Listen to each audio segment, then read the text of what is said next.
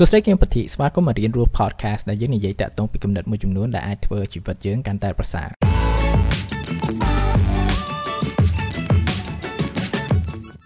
តិចគឺច្រើនតើអ្វីទៅ គឺជាតិចនិយមឬក៏ minimalism ខ្ញុំប្រកាសថាអ្នកទាំងអស់គ្នាប្រហែលជាធ្លាប់ឮ term នឹងដែរហើយតើតិចនិយមនឹងមិនតើកាន់តែតិចកាន់តែល្អឬក៏មិន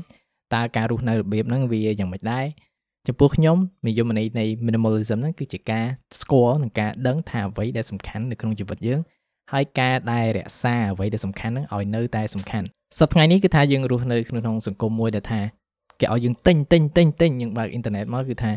មាន advertisement រហូតគឺថាគេផ្សព្វផ្សាយថាអ្នកគួរតែទិញនេះទិញនេះបើអត់មានអាហ្នឹងទេគឺថាជីវិតរបស់អ្នកគឺថាអត់គ្រប់គ្រាន់ទេអញ្ចឹងមានថាយើងចាប់ផ្ដើមផ្ដោតទៅលើនៅអ្វីដែលថាយើងអត់មានអ្វីដែលថាយើងខ្វះ ហើយការដែលយើងផ្ដោតទៅលើអ្វីដែលយើងអត់មានអ្វីដែលយើងខ្វះហ្នឹងក៏យើងអត់មានអារម្មណ៍ថាពេញលេញដែរគឺថាតែងតែមានអារម្មណ៍ថាខ្វះអីមួយនៅក្នុងជីវិតរបស់យើងហើយការដែលយើងមានអ្វីមួយហើយគឺយើងនៅតែចង់ទិញអ្វីមួយថ្មីបន្ទាប់ហើយបន្ទាប់ទៀតបន្ទាប់ហើយបន្ទាប់ទៀតហើយការដែលយើងមានរបស់ច្រើនហ្នឹងគឺថាវាពិបាកមែនតើក្នុងការវែកញែកគឺថាតើអ្វីទៅដែលសំខាន់នៅក្នុងជីវិតរបស់យើងតើរបស់ណាដែលថាយើងត្រូវការបំផុតហើយ minimalism ហ្នឹងគឺជាវិធីក្នុងការវែកញែកថាតើអ្វីដែលសំខាន់ ហើយជាពិសេសការផ្ដោតនៅលើអ្វីដែលសំខាន់នៅក្នុងជីវិតរបស់យើងហ្នឹងអញ្ចឹងវាថាធ្វើឲ្យជីវិតយើងវាពេញលេញធ្វើឲ្យជីវិតយើងមានភាពរីករាយជាងមុនហ្នឹងអានេះដូចទ្រឹស្ដីមួយដែលគេធ្លាប់និយាយថាភាពរីករាយមិនមែនជាការមានអ្វីគ្រប់យ៉ាងដែលយើងចង់បានប៉ុន្តែការដែលចង់បានអ្វីដែលយើងកំពុងមានអញ្ចឹងវាថា minimalism ហ្នឹងអញ្ចឹងគឺថាការដែលផ្ដោតទៅលើអ្វីថាយើងកំពុងមានហ្នឹងជាពិសេស អ្វីដែលសំខាន់ដែលយើងកំពុងមានហ្នឹងហើយនេះគឺជាអ្វីមួយដែលថាយើងអាចកត់សម្គាល់ដែរគឺថាយើងឃើញមើលមានមនុស្សច្រើនមែនតើដែលថាគាត់មានរបស់របរប្រើច្រើនមែនតើទ្រព្យសម្បត្តិមានច្រើនមែនតើប៉ុន្តែនៅខ្វះមួយអារម្មណ៍ថាគ្រប់គ្រាន់ feeling enough ហ្នឹងព្រោះថានៅតែមានអារម្មណ៍ថាត្រូវទិញបន្ថែមទៀតត្រូវរកបន្ថែមទៀតអីចឹងទៅនេះគឺថាមិនមែនមានន័យថាយើងអត់គួររកបន្ថែមទេអាហ្នឹងគឺជាអ្វីមួយដែលថាយើងនៅតែអាចធ្វើប៉ុន្តែនៅក្នុងដំណើរនៅក្នុងជីវិតរបស់យើងហ្នឹង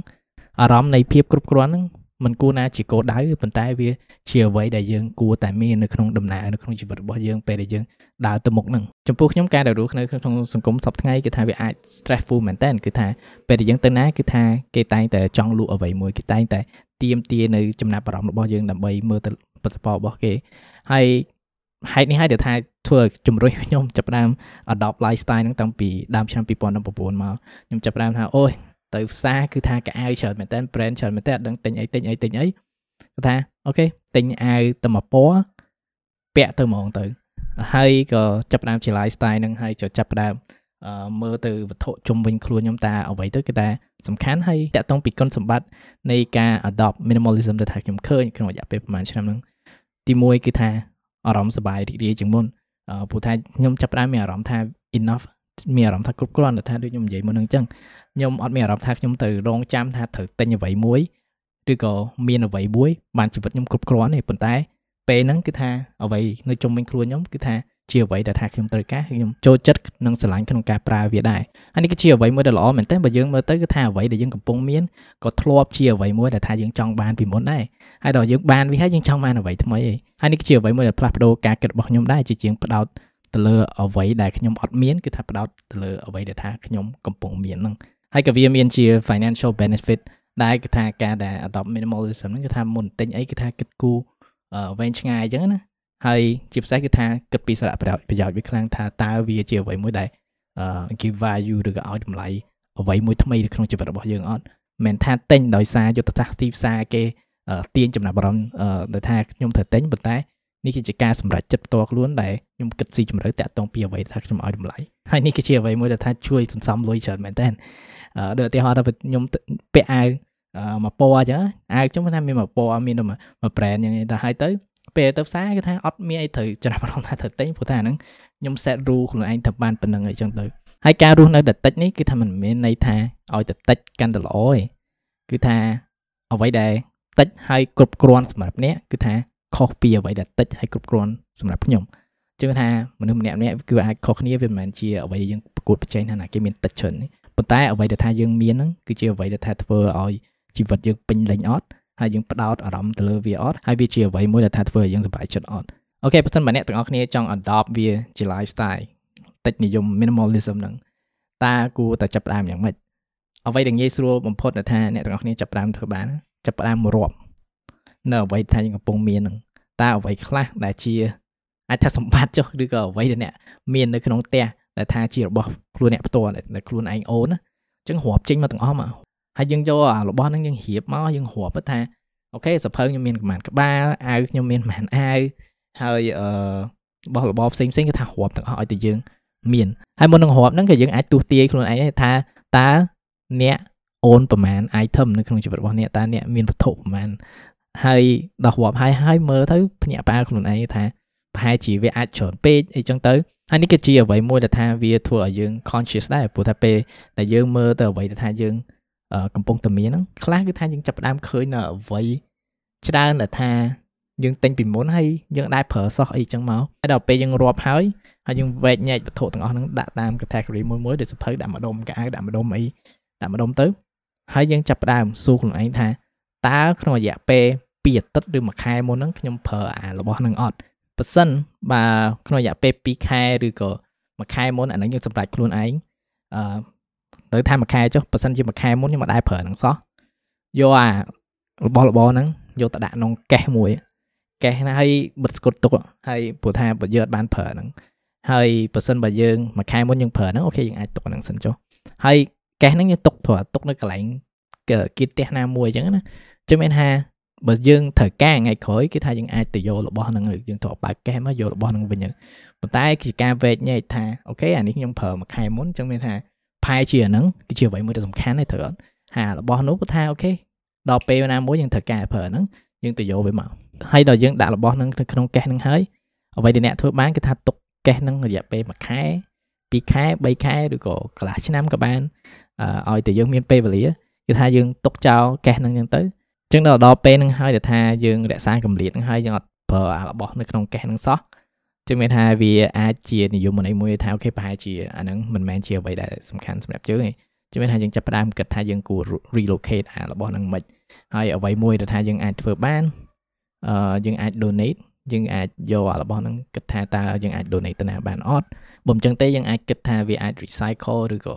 មិនមិនបាន អ្វីដែលសំខាន់គឺថាយើងចាប់ផ្ដើមយកអាហ្នឹងចេញពីជីវិតរបស់យើងអញ្ចឹងទៅ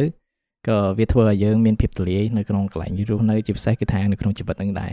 ការដែលមានរបស់ច្រើនហ្នឹងក៏វាធ្វើឲ្យយើងត្រូវត្រូវការកម្លាំងយើងដែរក្នុងការថែរក្សាក្នុងការបោះជូតវាអញ្ចឹងការដែលយើងយកចេញពីជីវិតយើងក៏វា eliminate តាក់ទងពីទំនួលខុសត្រូវទាំងអស់ហ្នឹងតែយើងអត់ចាំបាច់មានដែរហើយនៅក្នុងហ្នឹងប្រហែលជាវាអាចមាននៅក្នុងឯកសារច្រើន វាអាចប្រហែលជានៅក្នុងផ្ទះអ្នកក្នុងបន្ទប់អ្នកប្រហែលជាមានกระดาษច្រើនអីចឹងណាហើយពេលខ្លះយើងគិតថាអូប្រហែលជាกระดาษហ្នឹងសំខាន់យើងត្រូវទុកនៅក្រោយតែអ្វីដែលអ្នកអាចធ្វើបានតាក់ទងពីទាំងអស់ហ្នឹងក៏អាចគិតថាអូខេជាយើងបោះចោលក៏យើងអាច digitalize ទៅលើវត្ថុទាំងអស់ហ្នឹងដែរគឺថាกระดาษទាំងអស់ហ្នឹងយើងអាច scan ទុកនៅក្នុង cloud ឬក៏ Google Drive អីចឹងហើយនេះគឺជាអ្វីមួយដែលអ្នកអាចធ្វើដើម្បីចាប់ផ្ដើមគឺថារាប់ឲ្យដឹងឲ្យស្គាល់ថាយើងមានអីខ្លះហើយអាណាថាយើងអត់ប្រើក្នុងរយៈពេល2ទៅ 2អាទិត្យទៅ4អាទិត្យ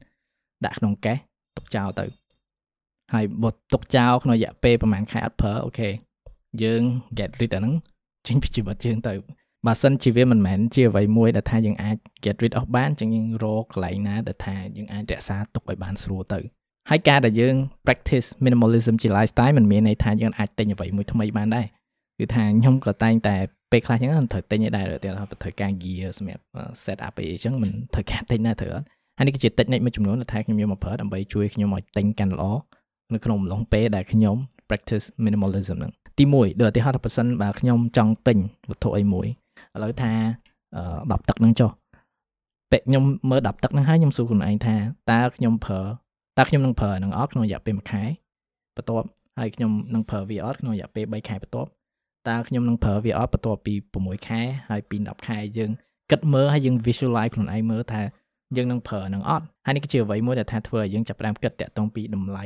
នៃវត្ថុហ្នឹងនៅក្នុងជីវិតរបស់យើងក្នុងរយៈពេលវែងព្រោះថាពេលខ្លះយើងទិញណាជាពិសេសគឺរបស់តាំងគឺថាអូអានឹងស្អាតណាស់ឬក៏ discount អីចឹងយើង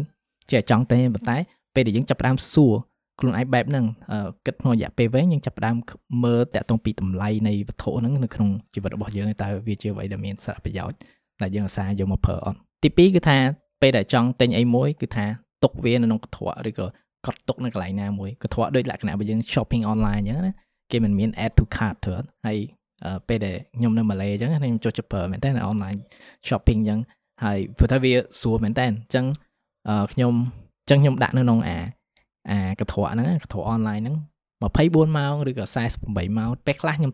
add ទុកចោលឡើងមួយខែអញ្ចឹងអញ្ចឹងទេ add to wish list អីអញ្ចឹងទៅគឺថាយើងកត់ត្រាថាអូខេអាហ្នឹងប្រហែលជាខ្ញុំអាចចង់ទិញពេលដែលយើងមានអារម្មណ៍ថាចង់ទិញអីមួយកុំទិញភ្លាមភ្លាមនិយាយទៅរក្សាកម្រិត24ម៉ោងបើវាមិនមែនជាអ្វីមួយដែលថាចាំបាច់ទេជឿថាប៉ះសិនបើអ្នកឥឡូវហ្នឹងអូខ្ញុំចង់ទិញទូរស័ព្ទថ្មីឬក៏ខ្ញុំចង់អឺទិញរបស់តាំងអីចឹងកត់ទុកក្នុងសភៅចោលសិនហើយប្រហែលជាប្រហែលថ្ងៃក្រោយចាំមកមើលមកវាវិញហើយយើងសួរខ្លួនឯងថាខ្ញុំមាននៅមានចំណងនឹងអត់ព្រោះពេលដែលយើងឃើញលក្ខណៈដូចថា advertisement អឺ